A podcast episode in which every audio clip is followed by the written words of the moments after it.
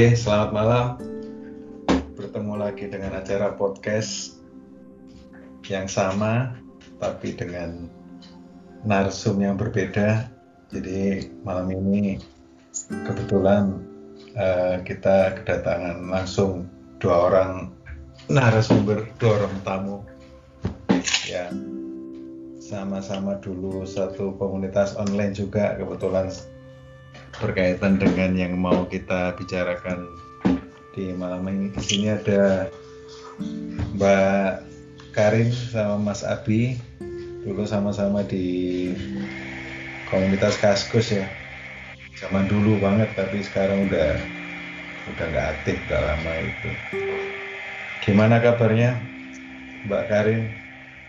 Halo Mas Yasin, selamat malam. Selamat malam. Gimana kabarnya? Mas Abinya mana? Alhamdulillah baik. Mas Abi ada ini. Jadi temanya sekarang dinner with us. Halo Mas Yasin. Selamat malam. Oh iya. Baik-baik ya Mas. Sehat kah? Sehat, Mas. Sehat. Semuanya sehat. Mas Yasin sehat? Sehat. Alhamdulillah. Terakhir kita nge-podcast suka-suka kayaknya udah setahun lebih tuh Mas. Gak kerasa Mas. Iya, Di... itu sebelum COVID kalau nggak salah ya. Ya sebelum COVID waktu itu di kegelapan tangga darurat PKPM kita berpodcast ria. Uh, jadi kebetulan terkait dengan uh, tema kita malam ini, nah ini kan cukup menarik ya karena menangkap kegelisahan, kegelisahan. Ya karena waktu COVID ini jadi mungkin kita banyak di rumah ya kan terus sering lihat fenomena di online jadinya kan lihat-lihat online lagi. Ternyata ya ada fenomena yang makin ke sini ternyata tidak berkurang gitu fenomenanya.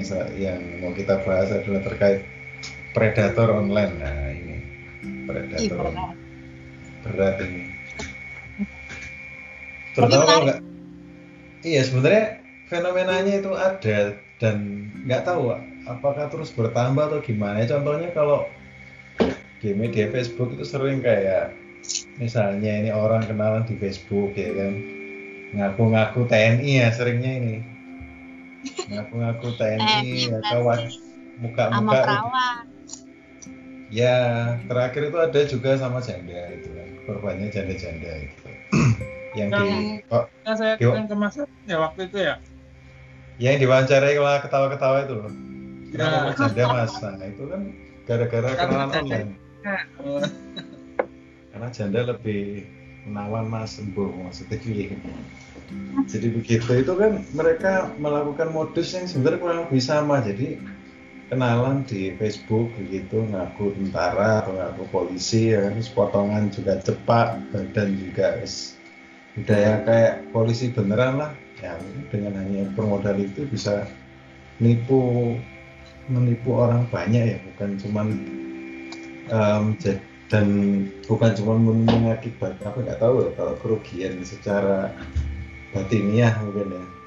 Nggak cuma nggak cuma ditipu terus nggak ajak diajak tidur bareng tapi ada yang sampai dibawa lari motornya gitu kan ya.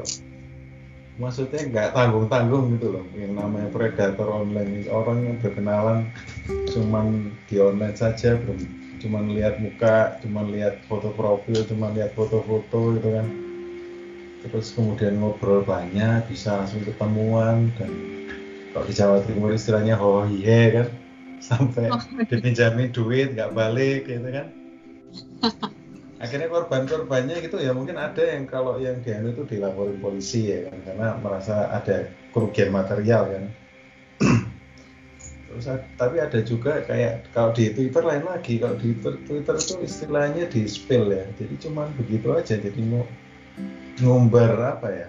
Ngumbar cerita-cerita itu loh was bahwa saya menjadi korban. Terus ternyata ada lagi temennya sama dengan korban dari orang yang sama gitu kan. Nah itulah fenomena-fenomena kayak gitu itu kayak nggak berhenti berhenti gitu loh. Jadi ganti bulan tuh ada aja itu.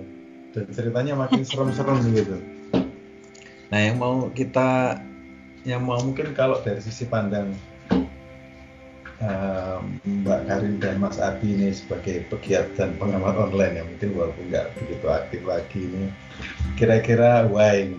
Kenapa orang kok ada fenomena seperti ini itu gimana gitu? Apa kansnya yang dilihat itu seperti apa sehingga orang tuh nekat gitu mau seperti itu gitu.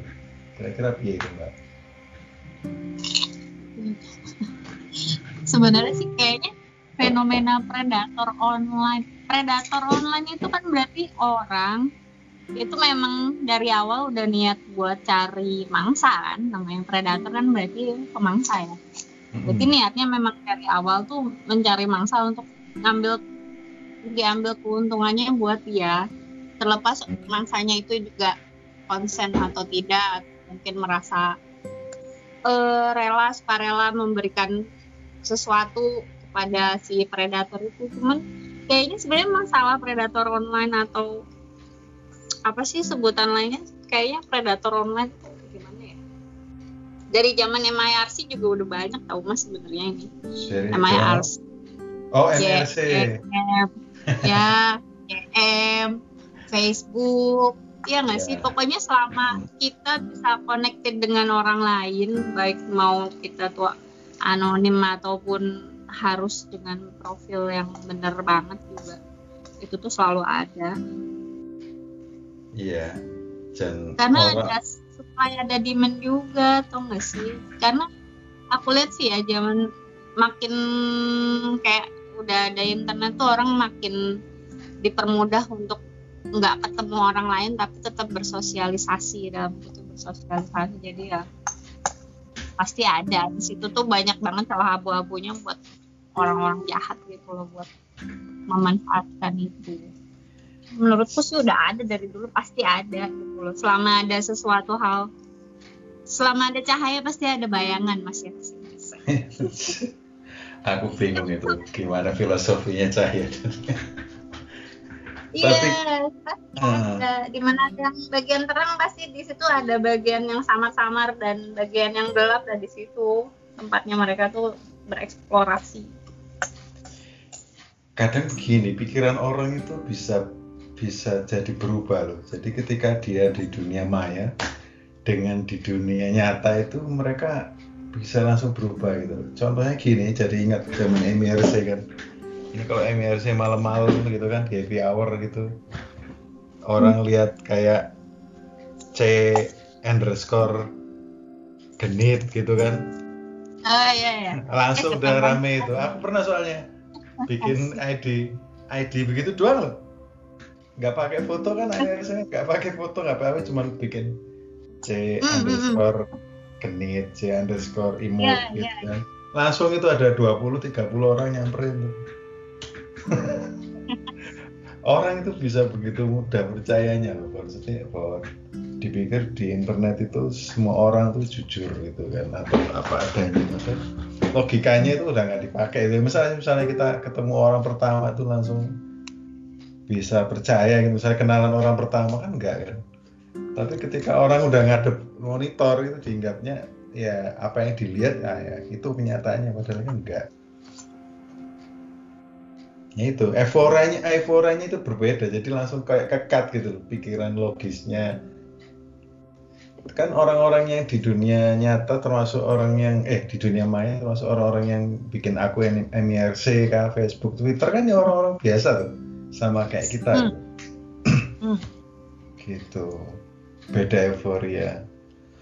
Nah terus berarti hmm. kita dibagi dua mas kelompok jadi ada dua kelompok dari yang kalau online ya hmm. dari yang aplikasi yang chatting dengan aplikasi yang sosial media kayaknya itu beda deh awalnya kayaknya ya mm-hmm. nah kalau sosial media atau kayak microblogging lah kayak contohnya Twitter nih kemarin kan lagi rame tuh yeah, uh, yeah. apa si Dewala itu itu kan sebenarnya dia bukan hanya berawal dari Twitter banyaknya kan dia dari uh, dating apps mm -mm. kayak Tinder gitu ya.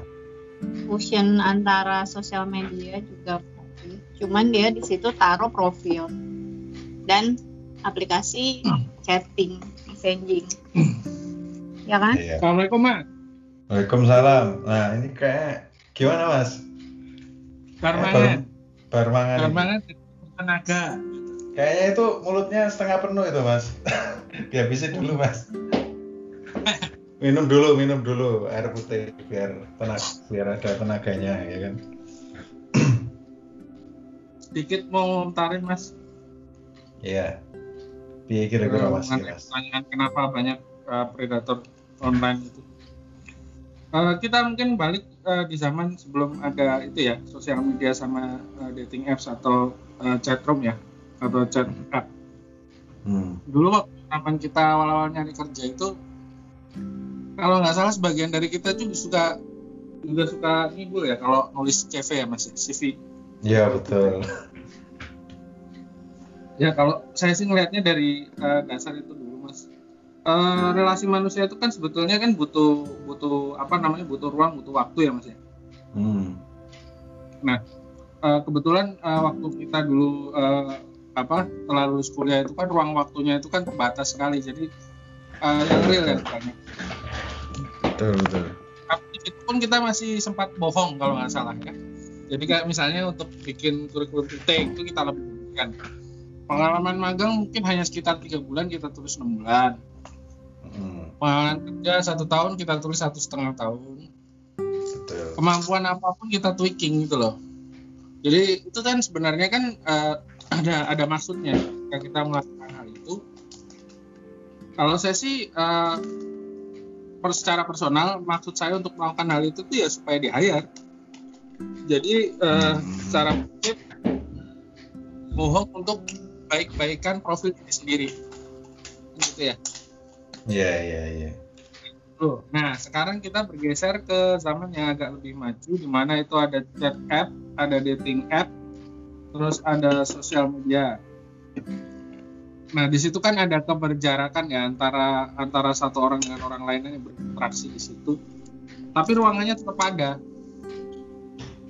Ruangannya tetap di apa namanya? tetap di uh, tetap diadakan. Jadi sebetulnya apa yang dilakukan oleh dating app sama sosial media sama chat app itu kan sebetulnya menyediakan ruang dan waktu untuk orang-orang saling sosialisasi. Betul betul. Nah dan itu karena kita tidak uh, berinteraksi secara langsung artinya direct tatap muka dan lain sebagainya kemungkinan kita untuk berbohong itu jadi lebih besar. Betul.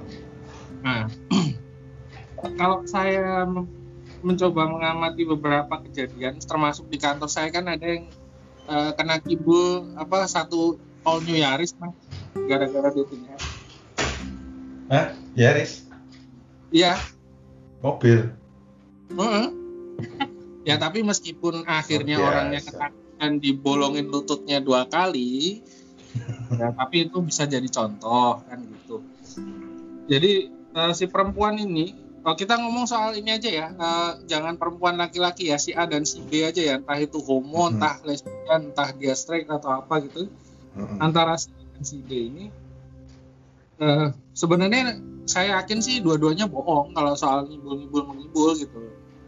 Yang satu mungkin fotonya dibikin agak lebih mana gitu, si B-nya pakai selfie pakai Oppo mungkin, jadi kelihatan mukanya lebih mulus, lebih kelihatan cakep. Terus profilnya dibagus-bagusin. Yang satu lagi mungkin uh, mukanya agak susah ya kalau diedit ya. Kayak uh, apa namanya uh, dia mungkin udah lahir udah udah udah jelek duluan kayak gitu misalnya tapi dia bisa baik-baikin di uh, profilnya dia di pekerjaan misalnya untuk pendidikan dan lain sebagainya. Mungkin untuk ke materi dan lain sebagainya. Sebenarnya kita sama-sama ngibul kalau kita kenalan. Uh, dan ini juga bagi teman saya yang akhirnya menikah. Teman-teman saya kan ada yang menikah gara-gara sosial media sebetulnya. Dating hmm. nah tapi semuanya itu tergantung niat mau dibawa ke mana gitu.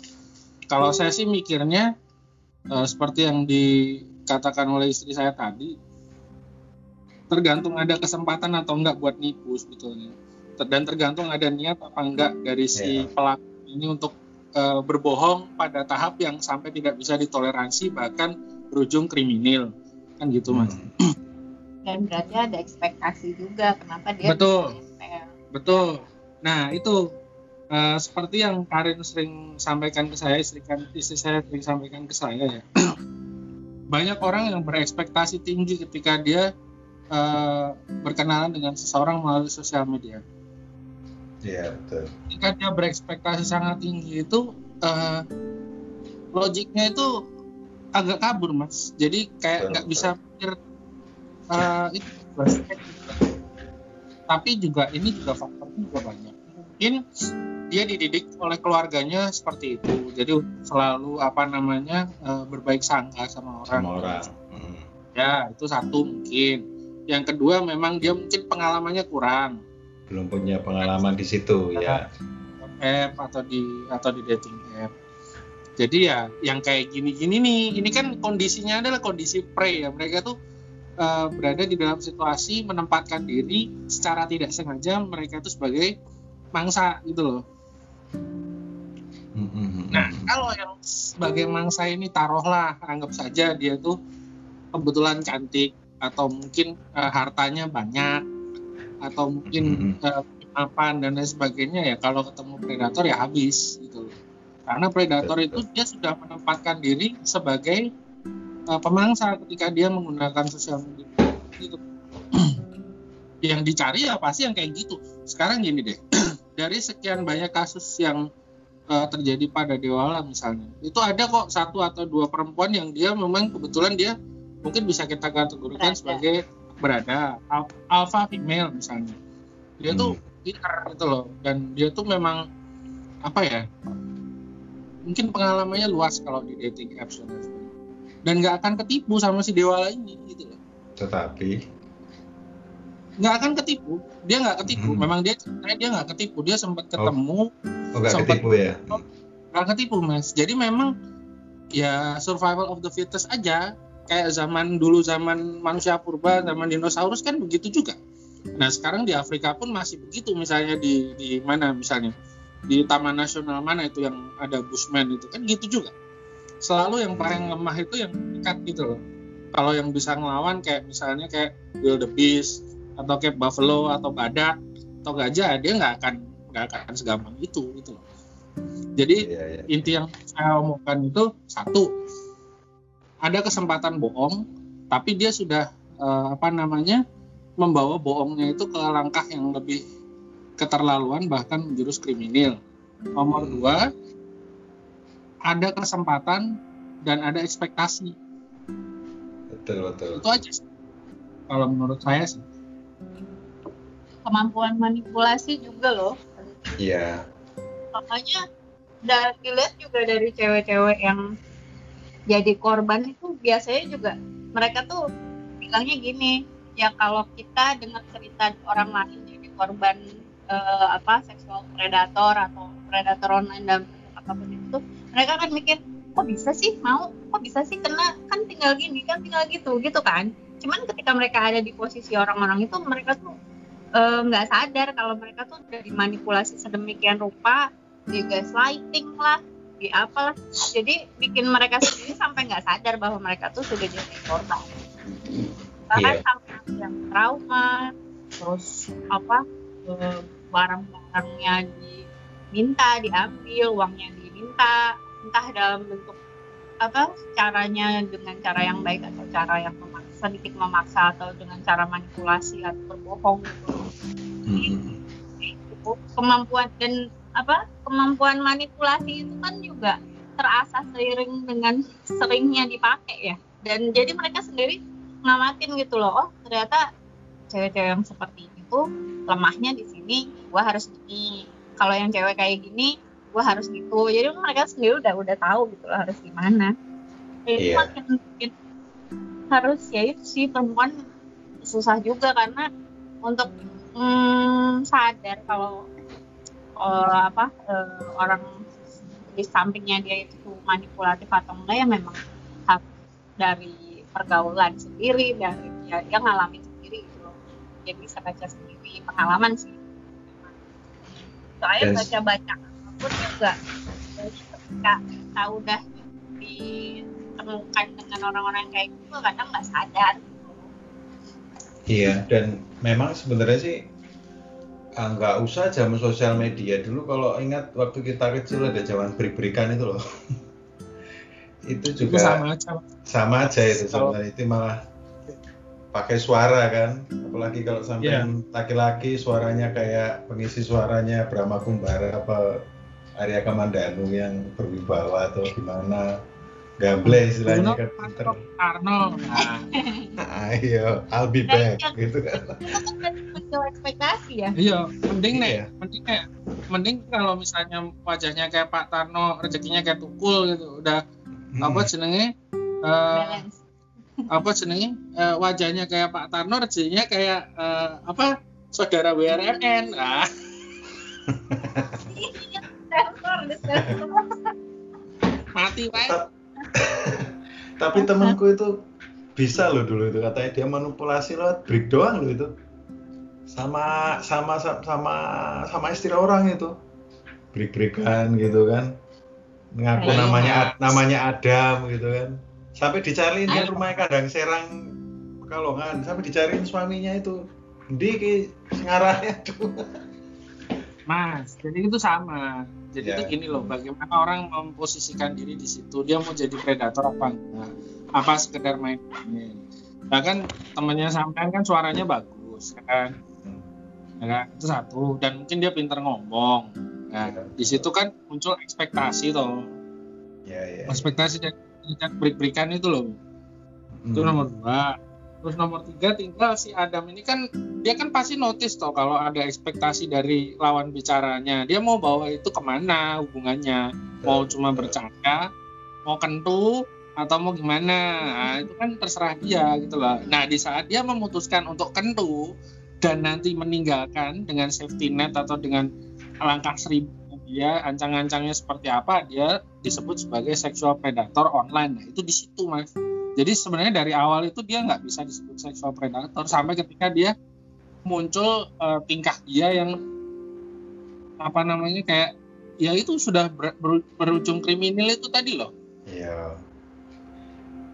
Ibaratnya orang tuh, eh tak nyobain lampu merah tak lewatin, oh nggak ditangkep, ya sudah, coba lagi sama temen, Hmm. oh nggak ditangkep juga, ya sudah, ceng lu, ceng pat, ya kan?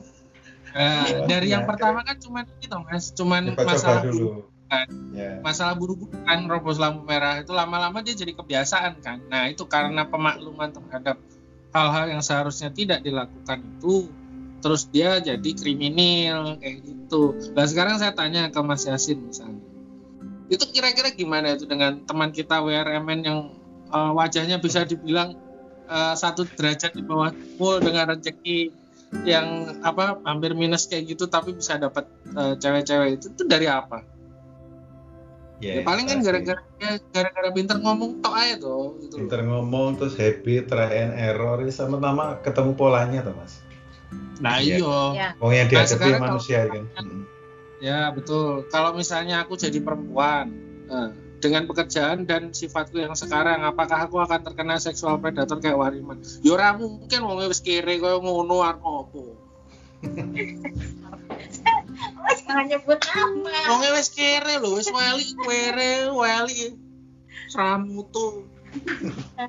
tapi jangan salah loh predator online itu nggak melulu kitanya tuh maksudnya harus ada posisi yang concern maksudnya secara sadar kita ketemu bisa jadi orangnya itu kayak stalker sih jatuhnya ya jadi dia ng- ngikutin sosmed kamu nyariin semua sampai dia tahu rumahnya sampai dia tahu tempat kerjanya atau sekolahnya atau kampusnya itu juga Creepy juga jatuhnya gitu. kayak ya Eh, iya. Creepy Jadi kan- sampai ketika dijotos sih mas. ya masalah kadang kita nggak tahu Klik loh deh, bubuk-bubuk. Iya, jadi memang apa ya? Itu tadi ya omongannya Mbak Karen tadi. Jadi ketika orang orang itu mulai mau berkomunikasi dengan maksudnya menggunakan media apa pun mau break-breakan mau MRC mau Tinder apa itu kan punya ekspektasi tadi itu kan jadi ketika orang ekspektasinya dan mungkin ketika wes anu itu mungkin agak berlebih terutama mungkin cewek-cewek itu ya itu sebenarnya ketika orang berekspektasi lebih itu sudah fragile di situ. Jadi gampang ke capture lah ngerti kan gampang terkondak tuh gampang diarahkan gitu. Asal manuvernya tepat gitu kan.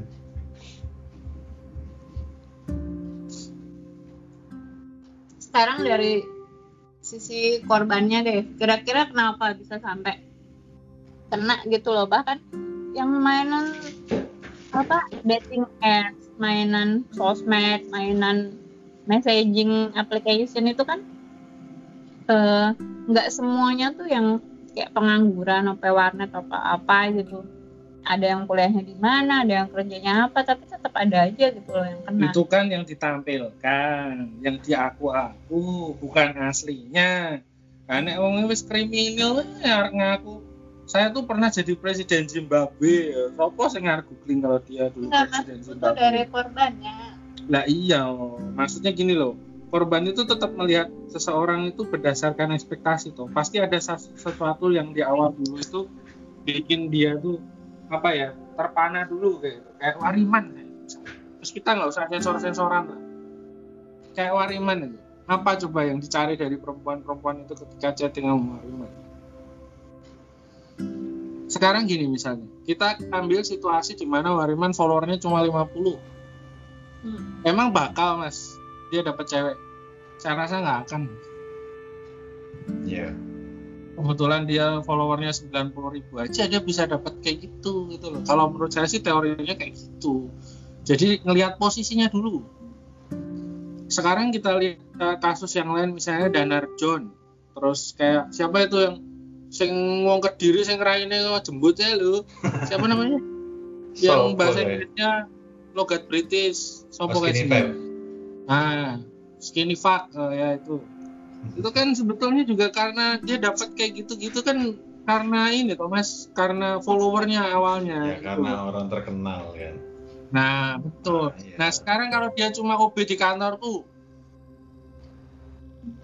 terus mau scamming kayak gitu mau tak idoni gitu loh tapi, tapi kalau followernya 300 ribu yang mana mas? Nah itu dia ya, tergantung itu, itu karena dia sudah terkenal kan udah punya nah, nah. Hmm. jadi kan apa ya euforia tadi itu. Tadi kan ketika sekarang kan zamannya medsos ketika kita melihat seorang seleb tweet itu kan wis dibaratkan ya artis tuh mas. Saya wong kan ketika mendapatkan atensi dari seorang artis itu ya itu apa namanya itu karena euforianya naik logiknya jadi jadian jadi semuanya itu ya diafirmasi aja usah yes yes KB apa pun hmm. maunya kan begitu. Apalagi kan orang itu kan ketika memulai dating app segala macam itu kan apa ya pengen mendapatkan itulah. Apalagi di zaman sosmed ini kan orang udah mulai sibuk dengan dirinya sendiri tapi dengan HP-nya sendiri kesibukannya sendiri tetapi kebutuhan manusia itu tetap sama itu loh butuh perhatian gitu loh Iya. Jadi kayak mbak-mbak itu mungkin ketika diperhatiin seorang seleb tweet kan ya langsung wis oh. kayak begitu ya kan Padahal seleb Twitter ini koyo tuku malah. Sebenarnya sih kalau kan mau pada tuku. Ya masalah iki wong ki nek wis seneng ki matane dadi picek, sih. Ya itu yang jadi masalah gitu. Jadi Enggak. yang namanya hmm. cinta itu kadang memang nggak teli sih gitu. Suka itu juga nggak teli gitu loh, bisa membohongi diri kita sendiri. Dan dan nggak mesti seleb tuh mas. Ya kayak aplikasi Tinder itu. Iya, hmm. Oh, Nah, asalkan itu tadi manuvernya tepat ya kan orang hmm. ngasih perhatian orang kondak ayo kan ketemu ternyata ya lumayan lah agak good looking guys sikapnya hmm. bagus atau bagaimana tapi ternyata lama-lama kok tambah dosisnya tambah nambah kurang ajarnya kan tapi masih di oke oke hmm. oke tahu-tahu wis yaitu apa ada yang apa namanya sampai hamil lah punya anak lah ya kan tinggal lah hmm. cerita-cerita pilu lainnya itu hmm. yang kita baca And... kayaknya kok sampai segitunya ya ada manusia gitu ya hmm. Kamu kenal salah satunya mas. Yang mana? Gaya manusia yang model kayak gitu kan kita juga kenal salah satunya toh. Ada salah dua tapi satunya nggak begitu. Begitu laku yang kayak. satunya yang mana? TGL ya?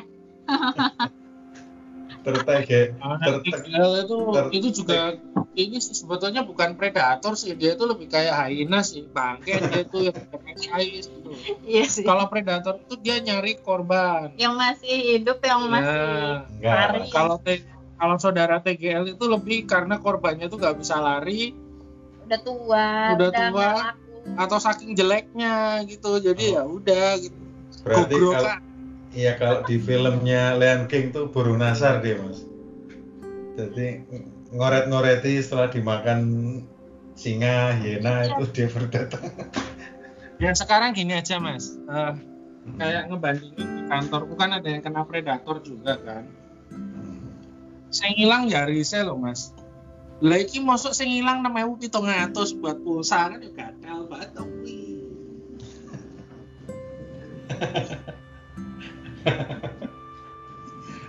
maksud maksudku ya itulah. Kadang ki kayaknya kok prinsip ekonominya dapat banget ya. Modal usaha namanya pitung atus so untuk ya rizki ya wangen banget wajar lah keloro ini maksudnya tuh membandingkan aja. Kalau kita mau nye- menyebut saudara TGL sebagai predator kan kayaknya nggak mungkin gitu loh. Oh. ya kalau predator diambil tuh pasti gede itu kan. High risk high gain kalau istilah orang pasar High- modal. Mas. HYIP High risk. High Yield Investment Program Dapat. Nah, makanya. Nah, ini yang di yang di gain cuma 6.700 dan udah gitu ketika diklarifikasi cuma minta diiklasin. dibandingkan dengan kehilangan Yaris ya Nah, iya makanya. Lanjut, Mas. ayo jadi aku sih memang emang apa ya kan memang bertanya itu tadi kayak omongannya Mbak Karin itu kan why gitu loh. Kenapa orang bisa terjatuh ke jebakan predator online gitu loh? Kenapa mereka rawan sekali gitu loh? Ya karena ya itu tadi karena kita masuk ke dunia online itu penuh dengan ekspektasi wah ya kan? Kita kan walaupun nge-tweet sekalipun yang asal ya berharap bahwa mungkin ada yang apa ada yang merespon atau apa ya kan? Apalagi ketika kita direspon centang biru atau orang yang followernya sekian ya pasti seneng lah gitu kan akhirnya Oh iya, berlanjut ke DM ya kan panjang Oh, oh, lebar di situ Mas, eh, apa? Iya, aku jadi. Jadi eh, selain kita juga berekspektasi online tuh, kita tuh di internet tuh ngerasa bisa jadi kayak alter ego, jadi diri sendiri. Bisa jadi apa aja Ya. Mm-mm. Heeh, bisa jadi apa aja. Mungkin yang di sehari-harinya di rumahnya tuh dia harus begini, harus begitu gitu kan, harus menjaga ini dan menjaga itu. Padahal dalam hatinya tuh dia sebenarnya aku tuh orangnya kayak gini, aku tuh orangnya kayak gini dan di internet tuh semua orang bisa jadi siapa aja dan di situ serunya mereka yang salah satunya juga malah faktor yang mereka terjerumus ketemu orang yang ternyata lebih jahat ya kayak gitu. aku tuh pernah sosial eksperimen loh terus terang. Maksudnya Aku tahu. aku Mas tuh sosial eksperimen dan itu sampai di DM orang loh iya di DM orang dia tuh Gimana? cerita masalahnya begitu. Oh kayak gini ta ternyata di Twitter itu kayak begini gitu. Orang itu bisa asal aja ngerti maksudnya itu maksudnya Hmm. bisa anu tahu-tahu DM gitu ya. Sampai minta nomor Hmm. WA segala macam. Gampang sekali gitu ngerti nggak? Makanya wajar orang tuh mau bisa oh berarti aku bisa kayak begini bisa lebih lanjut lebih jauh lagi. Lebih jauh lagi lah itulah. Mungkin ketika kayak tadi eh, perumpamannya tadi kita ngelanggar lampu merah sendirian oke. Terus besoknya goncengan dua orang nggak masalah. Nambah lagi dosisnya nambah nambah nambah nambah terus sampai di ya itu Yaris hilang itu tadi mungkin halo Ya, Mas. Lanjut. Kita Nah, kan iya. lagi ngomongin cerita soal pengalaman pribadi. Iya, maksudnya kan jalannya itu ada gitu loh mas. Dan mungkin nggak susah-susah amat asal kita telaten begitu kan. Makanya Nyambung nggak? ngomongin tadi gitu. Gimana mas?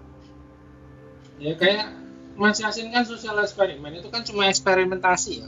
ya eksperimentasi jadi nggak akan nggak akan bawa ke apa ke tahapan yang lebih lanjut untuk Hmm. aneh-aneh nah sekarang Iya. apakah pikiran yang ada di eh, setiap benak predator seksual atau predator online itu kayak gitu kan enggak mas kalau buat mereka hal-hal kayak gitu itu justru kayak kesempatan gitu kayak Hmm. green light saja lampu hijau untuk wah ini saatnya gue untuk menerjang gitu loh kayaknya sih begitu kalau aku melihatnya jadi kalau masalah predator itu online ya baik seksual maupun bukan itu aku pikir ya tadi seperti yang aku omongin selain karena mereka itu membuat kesempatan untuk dirinya sendiri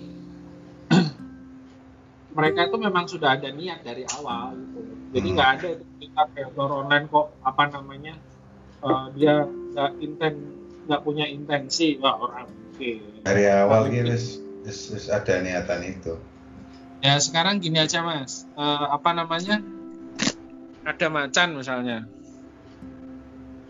Hmm. dia nguber-nguber zebra misalnya. Zebra sama macan kan larinya kencengan zebra tuh. Kita bisa tahu. Hmm. nah tapi zebranya itu kan kondisinya dia pincang misalnya. Kena sakit atau kenapa gitu kan nah di situ ada chance mas. Ada kesempatan. Gitu ya kan? Hmm. teorinya masuk kan berarti ada kesempatan Iya. diuber nah tapi tergantung si singanya juga. Dia udah kenyang apa belum?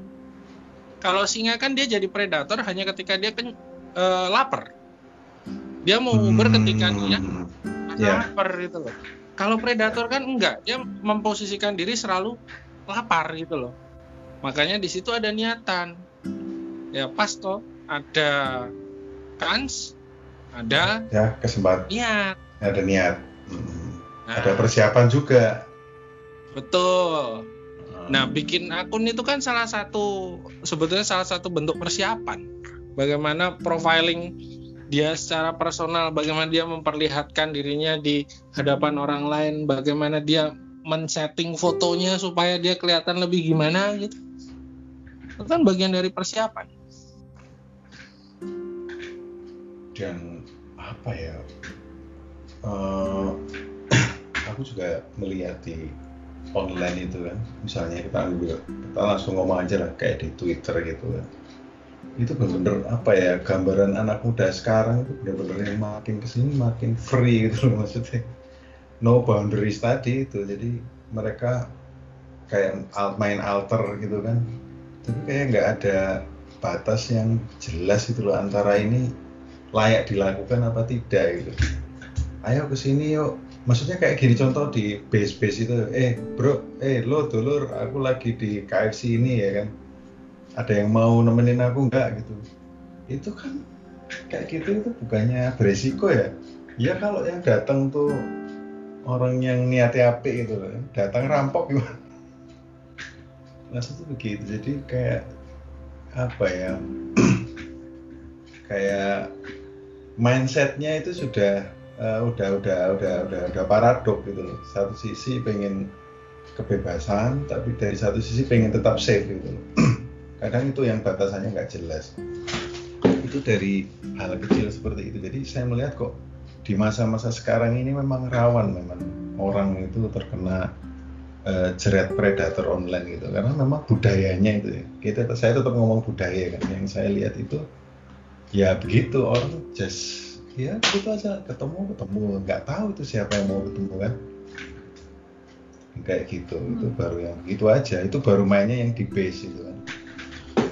Ya. orang Aku pernah buka loh mas base itu sebenarnya. Pernah sa- kayak jadi main face jadi apa Hmm. eh, akun Twitter yang dikelola oleh admin tapi juga ada botnya. Jadi kamu mau ngepost apa aja di situ lewat DM nanti sama akun itu diposting jadi jatuhnya kamu anonim karena semua orang tuh eh, bisa ngepostin apa yang dia mau ngomongin di situ ya mas. Hmm, betul, betul. aku lihat tuh di situ tuh banyak tuh ada aku lupa nama base-nya apa karena pernah selewat di timeline aku tuh eh, umur-umur penggunanya itu sebenarnya masih muda-muda banget itu dari umur-umur belasan 15, 16 itu kan underage ya. Itu tuh banyak banget.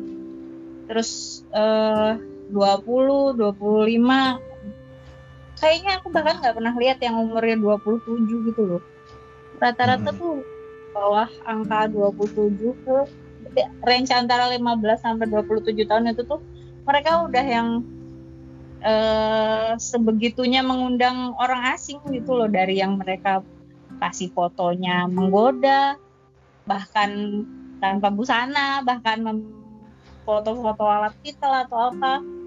Terus bilang ada di hotel sini saya kayak dia bilang aku lagi open room di hotel ini.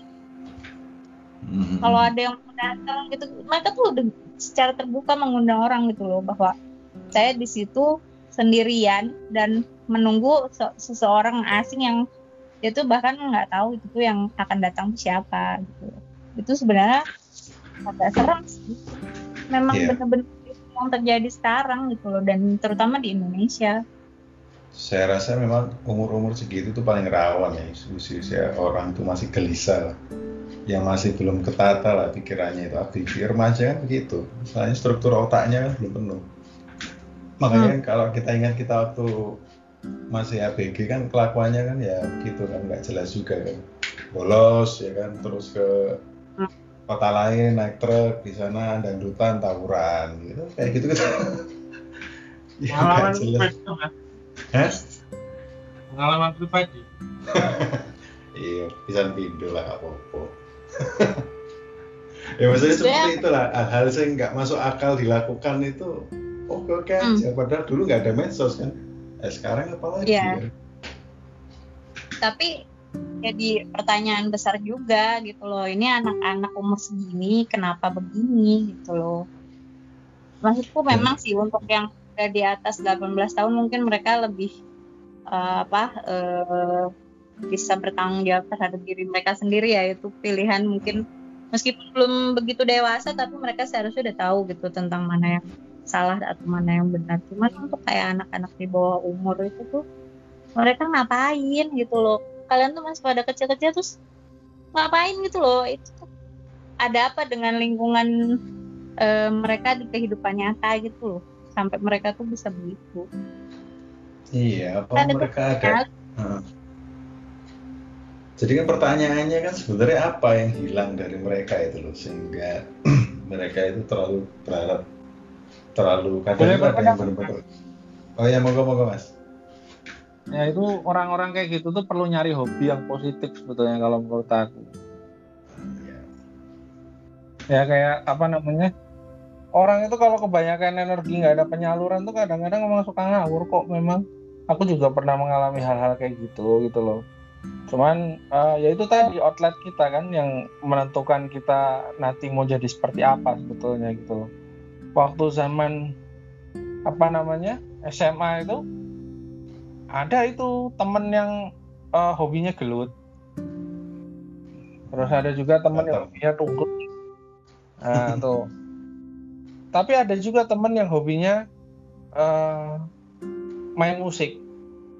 Ada juga yang hobinya teater. Nah itu kan outlet itu loh yang menentukan kita mau jadi seperti apa nanti. Ya kalau menurutku sih kalau dicari why-nya kita nggak akan nggak akan selesai ya kita ya cuma aku sih mikir ah paling juga ujung-ujungnya juga nih bocah emang nggak ada kerjaan lain gitu loh. Eh, sekarang bayangin eh kayak Tesla gitu seumur mereka 16 sampai 27 gitu. Dulu kira-kira dia ngapain gitu loh? Ngapain Iya, coba? Elon Musk ya bikin Elon PayPal Musk ya ngapain coba? Terus Alan Turing ngapain coba? Ya kita memang nggak adil membandingkan bocah-bocah kencrot ini sama orang-orang itu. Cuman kalau aku ngeliat sih kayaknya memang eh, apa ya mas? Ter- mereka tergantung nggak dari pernah nyari hobi yang positif. Iya iya iya. itu loh. Eh, pernah lihat itu acara Forge of Fire? Forge in Fire apa ya? Forge in Fire yang di YouTube. Oh, siapa ya mas? Belum belum. Itu jadi ceritanya adalah eh, eh, itu tuh acara sebetulnya kompetisi bladesmith di seluruh Amerika itu. Jadi orang-orang itu pada ditandingkan dia eh, bikin kayak senjata atau bikin pisau atau bikin apa itu dari uh, dari zaman dulu sampai zaman sekarang macam-macam gayanya dari berbagai Nah, di situ tuh ada kontestan yang umurnya baru 17, 18, 20 gitu. Nah, itu yang saya maksud gitu loh. Bagaimana orang-orang itu bisa punya hobi dan passion yang sangat simple tapi positif gitu loh. Hmm. Dan sekarang kan hal yang simpel ya mas ya. Sekarang kenapa lo nggak bikin seolah orang orang beli aja bisa kok beli di Superindo misalnya dengan harga tiga ratus ribu dan ini instead of beli kan ini kita menjadikan itu sebagai itu kan salah satu bentuk hobi yang positif ya betul betul terus kayak misalnya uh, kayak misalnya Terelie gitu itu kan hmm. kalau nggak salah dia mudanya kan culun sering dibully ya Iya, yeah, iya. Yeah. Ya, tapi dia punya hobi positif buat nulis gitu loh. Ya meskipun sekarang tulis aja uh, bisa saya nilai itu nggak mutu gitu, tapi kan dia laku-laku kan positif ya mas ya. Dia punya ya, masih segmen. positif itu, punya segmen ya. sendiri. Nah betul kayak gitu-gitu loh. Nah sekarang apa sih seperti yang Mas Yasir katakan tadi umur 16 sampai 27 itu masa-masa di mana energi itu banyak butuh pelampiasan. Nah, pelampiasannya itu yang harusnya menjadikan kita mau mau seperti apa gitu Iya. Ya maksudnya kalau misalnya ah, mungkin ada orang yang sukanya ngobrol di main face aja ya kan gak jelas gitu kan. Ada juga orang yang sukanya jualan online, dropshipping ya kan. Ah, tuh nah, kayak gitu. gitu. Ya tergantung emang 11 atau 12 tahun yang lalu si Tongo. 2010. Nah, 2010. Hmm. Pernah nggak kita tuh ngamatin betapa Tongol itu dari pagi sampai malam, malam ke pagi itu dia ngepost setiap berapa menit sekali di kaskus, di lounge. Gitu. Iya. Yeah. Nah itu juga kan data yang data yang tampil di sosial media itu yang kita jadikan bahan untuk ngebully dia. Dan it turns out di kehidupan nyatanya dia benar-benar memang low life seperti itu gitu. Iya ya, waktu kan? itu kan dia di tiap thread itu selalu ada tapi selalu out of topic gitu ngobrol sendiri. Ya, ya. Itu kan itu masalahnya dulu kan, Hmm. Itu dulu. Nah sekarang 10 tahun kita tarik sampai sekarang terakhir yang kita dengar apa? Dia kan jadi predator, eh bukan predator ya. Kita tadi sepakat ngomong dia itu uh, pemakan bangkai gitu kan di Twitter. Nah, kan sama. Sekarang coba diamati mas, itu ID-nya Tongol itu. Dia ngepost itu sekali itu, itu berapa? Kalau nggak salah tuh saya pernah ngitung, dia itu sehari itu dia bisa nge-tweet setiap 30 menit sekali. 30 menit atau 45 menit sekali gitu. Dalam jangka waktu 24 jam. Saya itu ambil rata-ratanya itu selama satu minggu. Jadi saya hitung satu minggu, saya iseng Nah, dari situ saya bisa mengatakan bahwa ini anak memang dari dulu sampai sekarang memang ya memang ya memang goblok gitu loh. Gak punya hobi yang positif. Memperkuat, ya memperkuat kesimpulan saya bahwa dulu kan saya hipotesis saja gitu loh. Ini bocah goblok emang kayaknya gitu loh. Kayaknya kan hipotesis ya. Nah, sampai ke sini oh ya panjang goblok gitu loh. Nah, orang-orang kayak gini kan sebetulnya nggak bisa kita bilang sebagai korban, tapi ya memang dia menempatkan diri di situasi di mana dia memang menempatkan dirinya goblok gitu loh. Ya. Yeah. Gitu. Nah, kayak kayak yang satu lagi temennya si Tongo misalnya, hmm. dia kan banyak ya korbannya ya. Dari teman dekat kita sendiri juga udah ada yang kena jadi korban gitu kan, sampai berpuluh-puluh juta gitu. Saya tuh nggak yakin kalau perilaku ini muncul hanya belakangan gitu loh saya tuh uh, yakin kalau dia itu dari dulu memang sudah berlatih untuk jadi seperti itu. Cuma sekarang ya kita baru apa, tahu. Ya, kita Ternyata baru dia tahu. benar-benar seperti itu. Ah, betul dan apa perilakunya itu berekskalasi gitu loh. Semakin lama semakin oh, semakin melunjak gitu. Oh ya benar namanya. Karena belum kena batunya Mas kan begitu. Udah udah kena batunya Mas Nah ngomong-ngomong kena batunya mas, ini kan urusan yang tadi yang teman kita itu kan kebetulan Twitter ya, dan hmm. batunya itu keluar dilemparinnya juga di Twitter. Itu tuh rata-rata selain kasus dia dan banyak kasus lainnya di belakangnya dan di depannya itu kan rata-rata yang di spill di Twitter ya hanya jadi bahan omongan bahan trending apa kita bergunjing bahan gibah aja gitu loh. Nggak yang secara nyata orang ini dihukum secara hukum itu nggak ada. Cuman hukum sosial di Twitter yang di mana orang yang nggak main Twitter yang nggak tahu gitu loh. Betul. Tetangga dia atau orang di satu kantor sama dia itu tuh mereka nggak belum tentu tahu gitu loh ketika mereka tuh nggak main Twitter dan nggak main di Twitter sebelah situ gitu loh. Ya Ya. cuman ya memang seperti yang Mas Yasin bilang tergantung apesnya itu orang itu kayak temenku yang satu kantor itu dia kebetulan ya memang dia anak orang berada ya dan dia nggak suka dimain-mainin sama orang kayak gitu gitu loh. Dan berakhir si predatornya itu dengkulnya dua-duanya bolong dan sekarang udah nggak bisa jalan lurus kali. Hmm, Iya iya iya. Apes banget itu. ya Dan mas, mas dan statusnya dia gimana? Macam-macam kok reaksi orang Hmm. tapi kalau saya bilang sih di Twitter yang selama ini skill sih ah itu paling cuma ujungnya cuma jadi bahan. Jadi? So, ya soalnya begini mas. Eh, kadang-kadang ada akun yang mencoba mengumpulkan bukti segala macam itu sebetulnya juga akun pansos doang gitu loh. Iya, jadi it- ah, Nggak- dia tuh bukan nyari buat keadilan buat orang-orang ini tapi cuman ya gitu aja biar dia ikutan terkenal aja.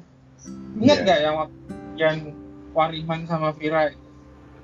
Ya ada yang akun-akun pansos lain. Arab, ya satu orang Arab namanya Usang itu. Ya kan?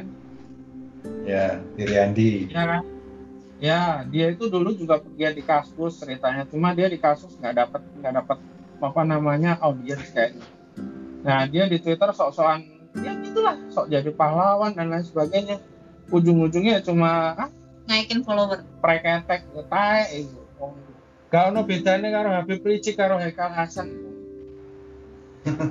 ya kan bener kan Jadi benar. ya, itu loh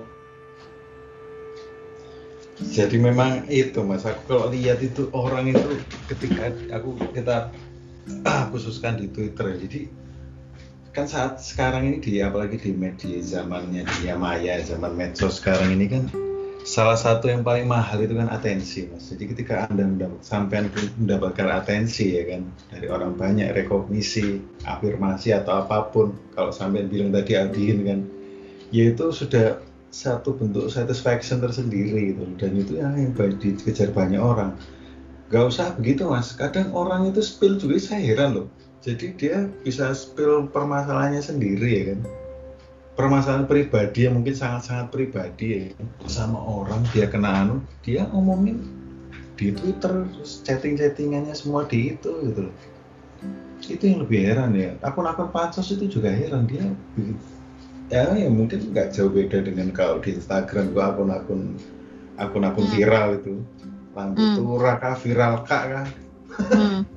viral cuy iki opo fenomena sih mas kayak gitu mas. Jadi sebenarnya ya yang yang muncul yang nge-spill nge-spill tweet-tweet tentang ini dan itu tuh kan kayak baru cuman pucuk ke atas dari gunung es ini kayak di bawah yang nggak berani ngomong yang diancam ngomong atau dibungkam atau di ya di ancamannya macam-macam kan. Terutama mungkin untuk yang khususnya perempuan tuh biasanya mereka diancam dengan macam-macam entah di karena pernah ada kan tuh eh, kasus di mana si ada cewek dan cowok eh, mereka mungkin eh, berhubungan apa eh, menjalin hubungan lalu satu saat eh, si yang perempuannya udah merasa nggak mau melanjutkan sedangkan yang laki-laki masih memaksa sampai akhirnya eh apa sakit hati video rekaman mereka berhubungan seksual dikirim Oh, ke banyak orang tuanya banyak kayak begitu dijual ke akun eh, apa eh, porno kayak gitu-gitu loh. Nah ancaman-ancaman kayak gitu kan kan juga eh, suka nggak suka orang Indonesia rata-rata juga kan begitu ya gitu. Ketika kayak contohnya Gisel kemarin gitu kan. Iya. Siapa yang korban, siapa yang pelaku, siapa yang marah-marah, siapa yang minta maaf itu kan juga jadi bias sih sebenarnya jadi kayak kasus absurd. kalau sudah di di online itu absurd semua mbak itu mbak. Aku ngerasa Benar. gitu. Di, makin diikuti makin pusing. Betul betul, betul. beneran. Jadi kita nggak usah terlalu serius lah menurutku. Jadi konsultan mas. Juta akhirnya kalau kita memposisikan sebagai penonton benar. Cuman sekarang ngelihat ketika seseorang sudah menjadi korban sebenarnya harus apa yang harus dilakukan supaya nggak terus-terusan jadi korban sampai mungkin lebih parah dari yang sekarang gitu loh. Ya menurutku Harusnya- Mm-mm. Iya. ya menurutku sih kalau sudah ada sebuah anu kriminal tuh ya sudah laporkan ke yang berwajib aja sudah. Iya mas ingat itu udah yang- lebih lebih lebih konkret gitu loh ada jelas. kasus Bijan mas. Hmm. biji anjing. Iya iya iya iya. apa eh, memanjangkan akronim itu menjadi biji anjing. Itu yang dia perkosa itu menurut pengakuan dia ada delapan. Nah saya ini coba cekkan yang Polres Ta Kota Tangerang misalnya Polres Ta Tangerang itu dewe burung laporannya aku yakin durung. Aku yakin sampai sekarang orangnya sampai sekarang itu bebas. Jadi ya sebetulnya cuma spal-spil spal-spil spal-spil tok itu. Ada, Dan- iya. ya akun yang pura-pura jadi moderator untuk em, fasilitasi ya kalau si Usam ini kan aku sebel banget gitu sama akun-akun kayak gitu. Justru aku tuh paling sebel sama akun kayak gitu tuh lebih sebel daripada akun predatornya. Karena apa? Karena dia memanfaatkan dia tidak memberikan solusi konkret. Betul dia tuh cuma memanfaatkan untuk kepentingan dirinya sendiri. Itu tuh nggak nggak beda sama predator juga. Sebetulnya malah lebih buruk kalau menurut orang-orang kayak gitu itu. Jadi memanfaatkan penderitaan orang lain untuk ya untuk showbiz aja untuk biar dia terkenal aja eksis saja nah orang-orang kayak gitu tuh yang harusnya diberangus kalau menurutku. Jadi setelah itu linknya satu diberangus baru predatornya orang-orang kayak gini tuh beneran nggak nggak nggak nambahin masalah jadi kelar kok malah bikin masalah jadi tambah rumit dan banyak loh mas orang-orang seperti itu. Jadi eh, ketika sampean sudah mulai terkenal gitu vokal itu sampean tuh di anu di trace postingan sampean gitu. Jadi ketika sampean ngomong apa A ternyata sampean dulu pernah ngomong B yang yang berkebalikan gitu. Nah itu dibawa lagi kayak gitu. Nah Dan- lah mas itu kan cuma di sosmed. digital. Iya, itu itu Kan itu, itu cuma contoh. sosmed mas. Ya, itu kan cuma sosmed ya kan contoh. kita kan contoh. ambil ambil contoh si Usam misalnya dia gamble apa mau ngetres stalking paranonoma ya eh. Paling wongnya mereka kan gitu loh. Maksudku tuh langkah langkah nyatanya tuh harus ada parani omae wes ngono ae. Parane omae di PK ya kan. nah sekarang gini. Dia bisa tahu postingan saya seperti apa dulu kan Hmm. di aja silakan monggo tapi kan aku ngerti omahmu nih gitu loh Hmm. predator ya predator kan gitu harusnya Iya sih. harusnya itu nah sekarang masalahnya anak-anak sekarang berani nggak play dirtier aja Kayaknya susah. Kayaknya bukan susah Nah. sih, jarang yang berani mas. Yang jadi nah mana jadi nyawa ngadep bikin laporan itu jarang. nah, nyawa Nah, itu iya. penting gitu gimana coba karena Karena- kadang-kadang ini loh mas orang misalkan eh, untuk memberanikan diri melapor tuh coming out tentang masalah ini karena eh, hal ini kan buat kita tuh kayak aib gitu ya. Saya misalkan melihat yang korban-korban ini tuh kayak ini tuh mereka tuh udah si malakama banget mereka diem jadi korbannya si pria ini. Kalau mereka coming out mereka akan jadi sasaran apa tinju orang-orang gitu loh untuk dapat image-nya jelek diomongin orang mungkin juga begini dan begitu. Ya pasti nggak mau kan gitu kayak gitu. Nah, untuk memberanikan diri ngelapor ke polisi yang juga kadang-kadang juga di sana juga mereka ya udah mana buktinya? Kalau nggak bukti ya ini mana uang jalannya? Dan lain-lain dan lain-lain. Dan mereka harus bolak-balik datang ke kantor polisi untuk ber- mengurus hal ini gitu loh. Mungkin kayaknya untuk para korban tuh lebih baik ya udahlah ya udahlah gitu loh. Nah ya Udahlah. ini yang jadi yang ya udahlah. bahaya. Ya gitu udahlah itu sebetulnya nggak masalah. Aku sih mending ya udahlah daripada dia spill doang di internet. Ya. karena spill doang itu juga ya itu tuh cuma bikin jadi jadi makanan orang-orang kayak si admin usam itu aja gitu loh. Iya, jadi kadang mereka tuh inginnya juga spill itu untuk ngasih tahu ke Iya. orang-orang bahwa hati-hati loh. Orang ini tuh begini gitu. Sekarang sekarang kalau kita gitu. ngomong hati-hati orang itu begini juga itu buktinya juga ujung-ujungnya juga. Sekarang gini si Dewala itu buktinya udah seabrek-abrek loh. Itu kalau mau bikin laporan ke polisi sekarang aku begini aja. Yang namanya pemerkosaan itu delik aduan apa bukan? Itu delik aduan satu. Delik aduan. kalau ada pengaduan baru bisa diproses. Nah sekarang nomor dua orang-orang pada nuduh si Dewala ini bikin video porno dan lain sebagainya. Nah pornografi itu delik aduan atau bukan? Bukan kalau memang dia ada buktinya screenshot atau apa bahwa itu ancaman pornografi ya tinggal laporin aja. Tinggal laporin selesai. Itu bukan delik aduan kok. Jadi itu nanti dicoba diperiksa pasti jawabannya kan. Soalnya kan begini memang. Aku sepanjang yang kita lihat ya dengan fenomena yang di Twitter gitu kan itu predator-predator itu kok jarang sekali yang berujung ke terkena penalti dalam konsekuensi hukum penalti dan konsekuensi hukum gitu loh. Jadi ujung-ujungnya cuma spill ya kan? Terus rame-rame orang menghujat ya kan? Terus mungkin yang bersangkutan yeah. tutup akun. Ya kan? Mas tak aku boleh cerita dikit nggak? Stop dulu mungkin ya. Hmm. uh, yang kejadian Yaris itu juga dia nggak diproses secara hukum kok mas Hmm, tapi dijedor itu, nah, itu mungkin. Iya dia diproses secara prank castle mas, ya. secara Punisher ya kan. Nah, jadi oh, dan itu tuh murah loh, bolongin dengkul orang kayak gitu tuh. Iya. Maksudku patungan wae wis to, patungan no. Mangatus mangatus sak juta sak juta lah iku gampang oleh sakmono katanya korbannya 30-an. Nah, itu 30 yuto gampang dengar bolongi denggule wong iku.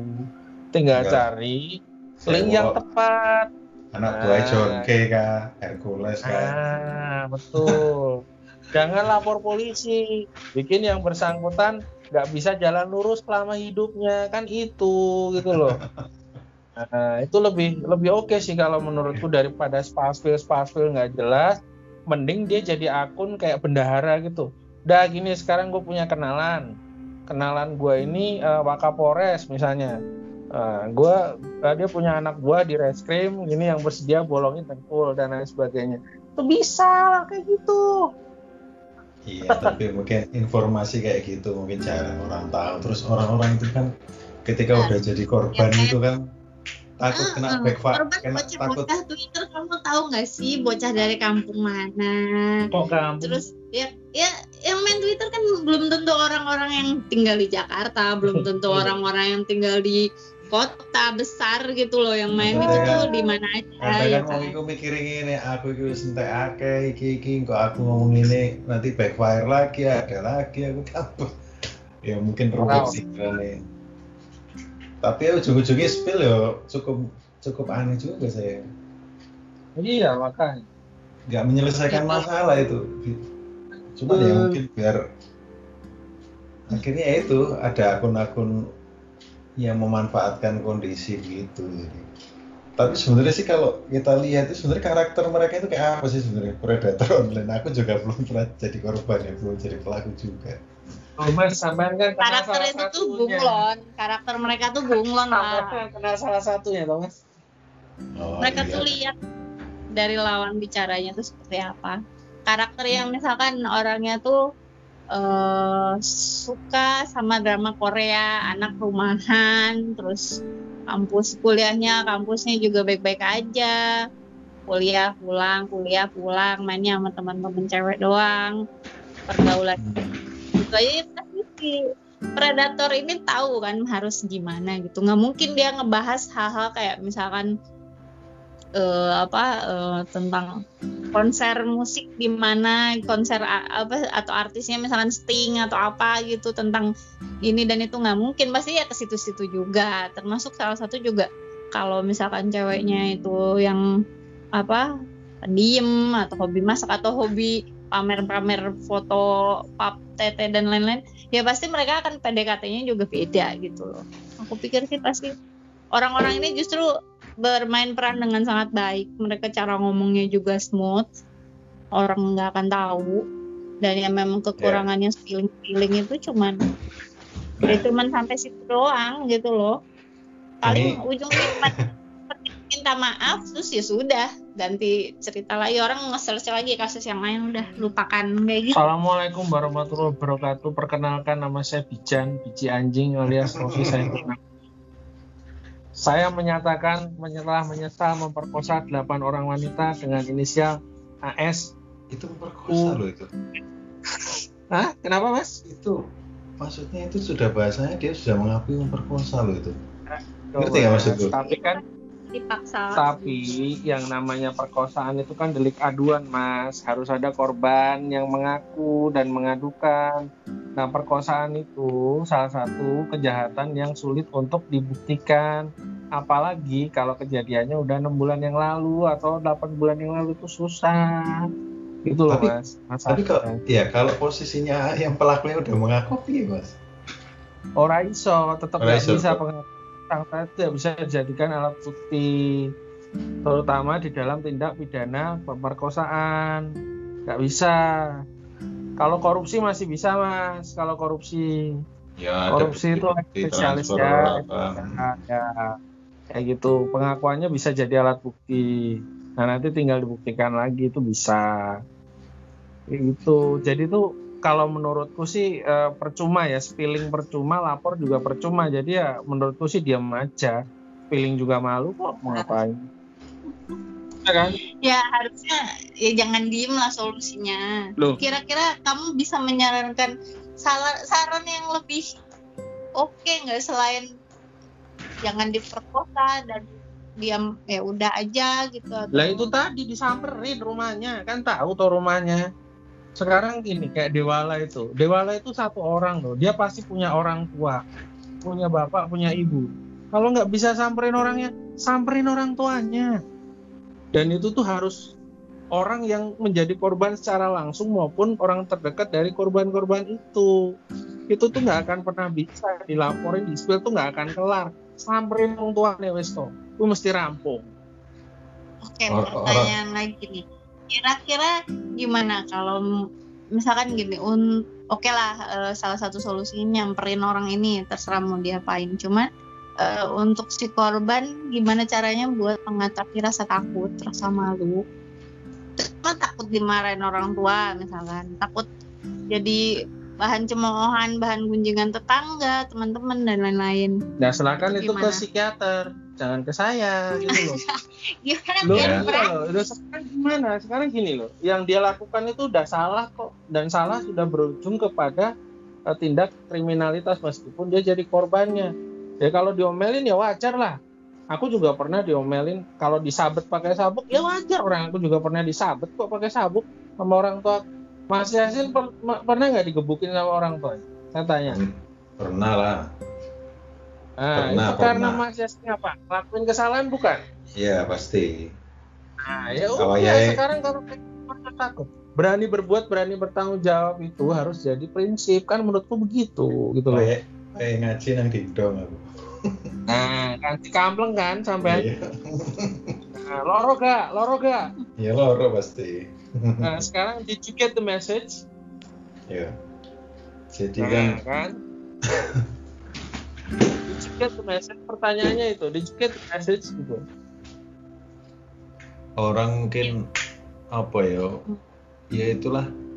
Tapi kadang memang solusi itu memang simple sebenarnya mas. Cuman kita aja yang kadang mereka mereka ya ini orang-orang ini aja yang bikin bikin ruwet lah. Kayak, kan kayak spelling itu kan ya bikin ruwet aja sebenarnya. Iya kan kayak kasus Emang tadi sampai ya ada kalau mereka tuh udah salah. Lah yuk itu kan. salah, ngapain kamu spelling kan gitu. Bukan iya. udah salah. Apa yang mereka lakukan tuh mereka mungkin juga sadar. Nah iya udah tahu salah spelling malah sampai oh kan? Sudah salah ya tapi mungkin ada itu mungkin apa ya yang bisa membuat saya orang didengar orang gitu kan malah cumanya ya spilling nggak ke mana-mana kalau spilling ya paling dapat rekod atensi orang gitu aja. Nggak pernah punya rasa kasihan ke orang-orang yang sudah kayak gitu jadi korban. Karena itu ya ngapain sih lo kayak gitu? Gitu lu nggak konkret gitu sedangkan ketika kita ngasih saran yang konkret orang-orang malah kasihan. Ini ya wes loh mas. Pertimbangan mengenai diskusi kan masing-masing orang kan berbeda butuh tindakan yang sedikit ekstrim lah untuk menyelesaikan masalah. Masalah yang juga ekstrim. Kalau menurutku begitu? Sebentar ini aku tadi sampai bilang ciri-ciri predator online ini bisa dilihat dari orang yang kita kenal ya kan? Ini kalau kita ya. mengaitkan lagi dengan obrolan kita diskusi kita itu memang kayaknya memang ada polanya itu mas. Yang pertama pasti dia itu suka TP-TP ya. itu jelas itu. Ya yeah. TP-TP berujung DM ya kan? DM panjang yeah. berujung tukeran WA itu ya sudah gitu kan. Terus kedua mas aku jadi ingat lagi manipulatif mas. Manipulatif itu maksudnya gini muter balikin fakta ya kan? Ya gaslighting. Jadi kayak itu tadi ya kamu ikhlasin aja utangku. Bisa kon cuma utang segitu aja segitu aja lima ratus ribu ya. Ada orang yang menganggap lima ratus ribu sidik ya kan. Lah ya kan suruh ikhlasin harusnya kan jumlahnya sedikit itu kan. Tapi dia aja nggak bisa sedikit misalnya melunasin kan begitu manipulatif muter balikan fakta gitu kan. Tongol iku tongol iku kapan wis di wis dikamplengi cah Iya, iya. Terus satu lagi Mas aku iling Mas. Pembicaraan kita yang terakhir itu. Biasanya itu terlalu protektif nih. Ngerti nggak maksudku? Iya, protektif ya maksudnya. Maksudnya ingin jadi oh, korbannya oh, iya, ini iya, iya, iya, kita obrolin terakhir ya. Iya, iya, iya. Jadi iya, dia itu korbannya diisolasi di suatu tempat atau di suatu sistem yang dia bikin udahlah kamu nggak usah move aku oh. takut nanti kamu gini, gini sama orang tapi dia sendiri di tempat lain hmm. Cari oh, cari mangsa lain gitu. Paralel gitu kerjanya. Gitu. iya. Terus suka mengatur ya kan? Suka ngatur. Ngatur yeah. gitu. Delok iki lu kamu aku aku juga ngatur mas. Ngaturnya tuh ya gaslight seolah-olah itu tuh demi kepentingannya. Ayo. Ya kan kamu punya uh, itu aku juga pengen. Harusnya kan kita sama. Ya terus? Yo golek lah ya, maksudnya gue kan duwe gue kan duwe kaset GR aku pengen duwe. Lah terus? Ya aku tuh kok nolak des. Maksudnya ngerti ngerti ngerti pengen gitu kan. Suka ngatur-ngatur gitu loh. Mungkin ada satu ciri-ciri lain mas. Uh, suka playing victim. Nah itu muter baikkan fakta tadi. Anakku anakku uh, apa namanya minta dibeliin mainan X tapi aku nggak punya uang. Uh, ibuku minta dibeliin Y tapi aku nggak punya uang. Uh, si X uh, saudaraku itu mau wisuda gini-gini ya semono terus-terusan. Itu di pengalaman uh, saya ngobrol dengan uh, salah satu korban predator ini ya si korbannya ini juga mungkin karena dia latar belakangnya orang punya ya mas ya. Orang hmm. orang orang berada secara ekonomi terus pekerjaannya dia juga mapan dia tuh ada tabungan dan lain sebagainya ya dia kalau lihat disambati istilahnya sama orang-orang yang nggak punya uang terus kebetulan disayang dalam tanda kutip ya dia pasti bantu sebisanya gitu loh. Itu tuh hmm. memang polanya memang repetitif kok jadi gini repetitif gitu loh uh, dan itu tuh apa ya itu kayaknya pola-pola kayak gitu tuh nggak akan pernah kejadian kalau cuma sekali aja itu tuh kayaknya by experience hal-hal kayak gitu tuh jadi seperti yang tadi saya bilang uh, dia tuh morotin si cewek ini tuh kok kayaknya gampang banget gitu loh. Nah feeling sih dia udah dari dulu kayak gitu gitu loh. Memang modelnya emang emang emang apa namanya? Ya memang dia memang sudah Suka pengalaman. amal ibadah seseorang. Ya. Bang mungkin aku bukan korban ya tapi misalnya ada orang yang seperti ngomong-ngomong kayak aku apa akhirnya mikir gini saja ini udah ini dulu kayak apa sih des ya itu kan itu kan orang itu ketika itu orang logika logika ya, bicara ketika orang logis posisinya ya sekarang kayak gini misalnya eh, aku amit-amit jawang bayi misalnya kecelakaan di jalan nggak bawa dompet cuma bawa uang 100 ribu misalnya. Ya kan? Terus eh, masuk ke UGD terus eh, dia rumah sakitnya mengharuskan deposit misalnya 500 gitu kan. Aku kan gak duit duit gitu ya kan? Aku kan akan melakukan segala cara ya untuk untuk apa namanya untuk bisa masuk ke rumah sakit. Nah kalau aku nggak bisa ya aku pasti ngontak orang yang bisa aku kontak yang aku anggap aku kenal gitu loh. Itu kan apa namanya kondisinya darurat gitu loh mas. Nah yang hebat dari predator-predator terutama yang eh, apa namanya mengejar harta itu dia itu bisa memposisikan dirinya itu selalu dalam posisi Urgent. urgent mas. Nah, itu sangar menurutku iki lah dalam dunia kerja ini wajar kalau sesekali itu ada kondisi urgent iki wajar tapi lah kowe urgent terus iki jane kowe kerja no planning apa ora jane kan? Nah, iya. dibalikkan ngono uripmu iki jane no planning apa posisinya critical nah, ini semua serba urgent. Nah iki su- sudah lumayan lama mas kita ber ngobrol panjang lebar tentang predator online ini. Ini menarik kok mas sebenarnya. Dan memang pro kontranya banyak hal dan memang mencakup urusannya nyambungnya ke mana-mana. Eh, Mas Yasin kalau misalnya nanti eh, butuh bicara dengan salah satu korban predator mungkin eh, bisa kita bantu untuk ini ya eh, apa namanya eh, segmen berikutnya. Ya ini dari sisi korban. Kalau ini kan dari bystander ya sisi Hmm. bystander gitu deh. Kayaknya dari sisi korban akan lebih adil kalau misalnya ditampilkan seperti apa gitu loh. Kalau iya iya iya. kalau saya sih gitu. Nah kalau dari sisi pelaku mungkin bisa ngontak temennya sendiri saya yakin nomornya di Mas Yasin gitu.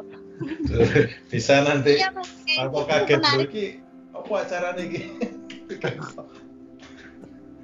menarik. Kalau misalkan Mas Yasin bisa mewawancarai sumber narasumber sebagai pelakunya itu akan lebih apakah benar masuk gitu loh perkiraan dan pandangan dari bystander ini dengan cara Betul, pikirnya ini apakah dia merasa takutnya iya takutnya kita takutnya kita terlalu normatif gitu loh ngomongnya gitu kan. Oh.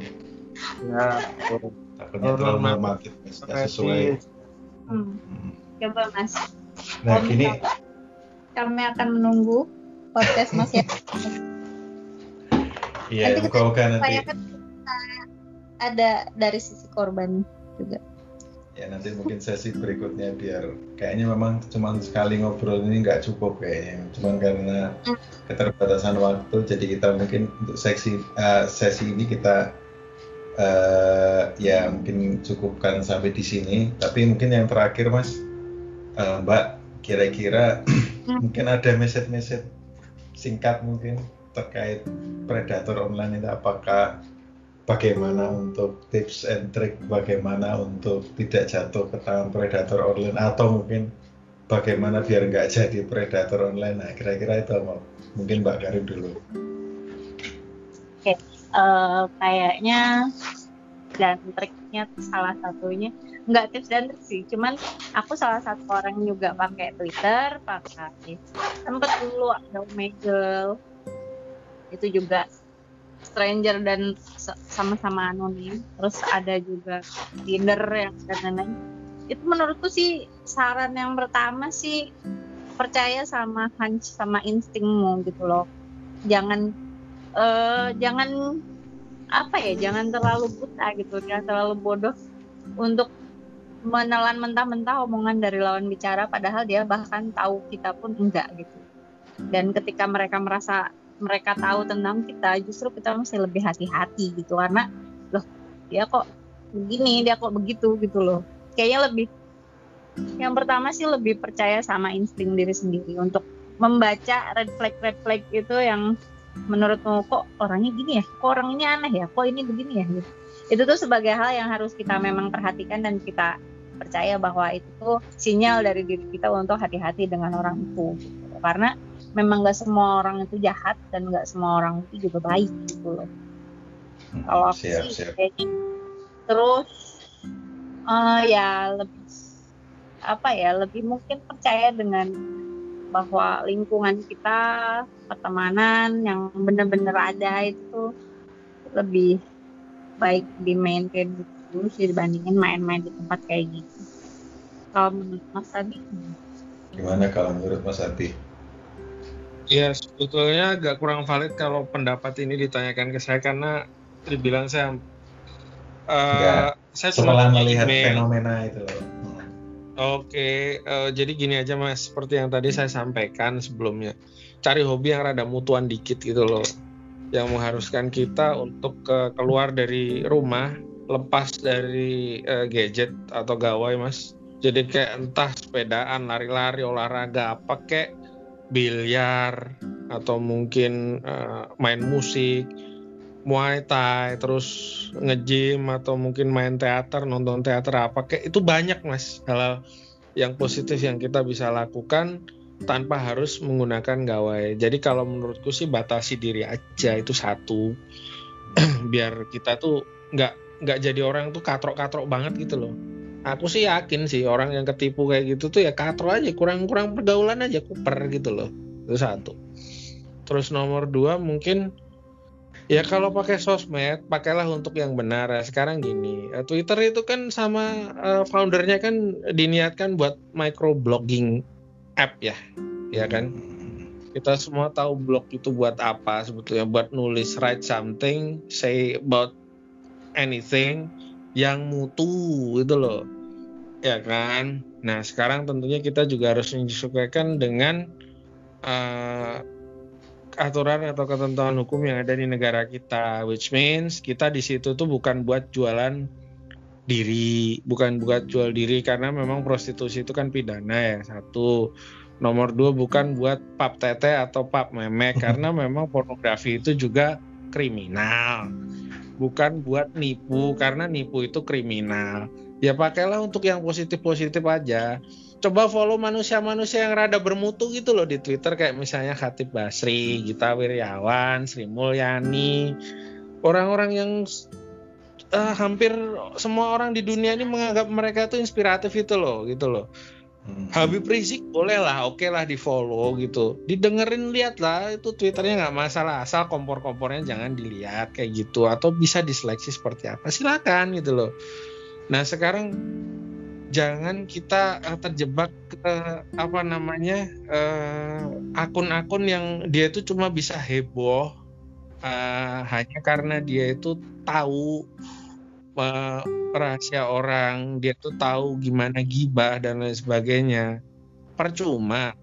Itu tuh sama aja kayak kita di kantor, di sekolah dan lain sebagainya. Kita berteman dengan bigos. Ujung-ujungnya nanti kalau apa kita digosipin juga gitu loh, Mas kita berteman dengan orang yang benar aja. Sekarang gini aja, Mas. Dulu waktu sekolah gimana? Berteman nggak? Milih-milih atau enggak? Milih-milih kan pasti. Milih-milih. Nah, ya sama. Sosmed itu ya, harus milih ya, gitu loh. Maksud saya seperti itu gitu loh. Terus nomor tiga ya, uh, uh, shall shit happens gitu. Jika sesuatu yang buruk terjadi ya segera diselesaikan. Dan itu tuh diselesaikannya ya secara real. Nggak nggak bukan terus curhat ke sana curhat ke sini spill dan lain sebagainya. Apalah itu. Kalau menurutku itu bullshit sih kalau menurut apa menurut pertimbanganku gitu loh. Harus segera diselesaikan kalau nggak mau berlarut-larut. Kalau sudah terlanjur berlarut-larut ya ya udah nggak usah ngomong. Lu tuh diem aja gitu loh. Karena ya memang uh, sosial media itu ya kayak gini risikonya gitu loh. Itu aja sih tiga itu aja tiga persen itu aja. Itu mas. Terima kasih mas. Iya ya. terima kasih banyak ini Mbak Karin sama Mas Abi tapi kok sebenarnya sih kalau kita tarik garis besarnya yo kalau bisa itu kalau anda anda semua para pendengar ini yang lebih baik sih bukan diri anda gitu dengan hal-hal yang positif gitu jangan berkecimpung di tempat-tempat yang cuma mengarahkan kita di tempat yang akan merugikan kita itu. Masih banyak hobi yang lain dan nggak usah terlalu serius melihat gejolak yang ada di medsos kan begitu. Masih banyak hobi yang lain eh main karate kayak banji jumping kayak atau apa kayak yang lainnya nge-gym atau apa masih banyak gitu loh. Dan tetap berhati-hati dan tetap waspada ya kan? Selalu difilter informasi ya kan? Gunakan medsos dengan baik masih banyak hal yang bisa dilakukan di medsos yang lebih bermanfaat di kita jualan atau apa atau mungkin bikin kanal YouTube sekalian monggo. Asal yang bermanfaat. Jadi mindset kita adalah apa yang kita konsumsi berasal dari apa kalau kita hari-hari cuman lihat yang bigos-bigos nggak jelas orang spill berantem tubir apa wis. Jadinya ya ke situ terus ya itu seperti tadi fenomena orang yang 10 tahun nggak berubah itu ya ternyata mindsetnya cuma ke situ ke situ aja ya, gitu. Ya wis mungkin karena udah cukup lama mungkin kita akhiri sampai di sini. Terima kasih banyak kehadirannya Mbak Karin Mas Abi. Ini thank you banget. Moga-moga nanti seperti yang kita bicarakan lagi tadi kita bisa bertemu di segmen berikutnya dengan langsung dengan narasumber korban dari predator online itu. Jadi mungkin agar bisa melihat ada perbandingan apa yang kita bicarakan tadi secara bystander itu apakah sesuai dengan apa yang sebenarnya terjadi di lapangan gitu. Hmm. Semoga apabila ada manfaat dari yang kita bicarakan, semoga bisa memberikan manfaat. Bila tidak, Amin. kami mohon maaf yang sebesar-besarnya. Terima kasih. Kami akhiri, saya akhiri podcast kita malam ini. Sekali lagi terima kasih. Assalamualaikum warahmatullahi wabarakatuh. Selamat malam. Warahmatullahi.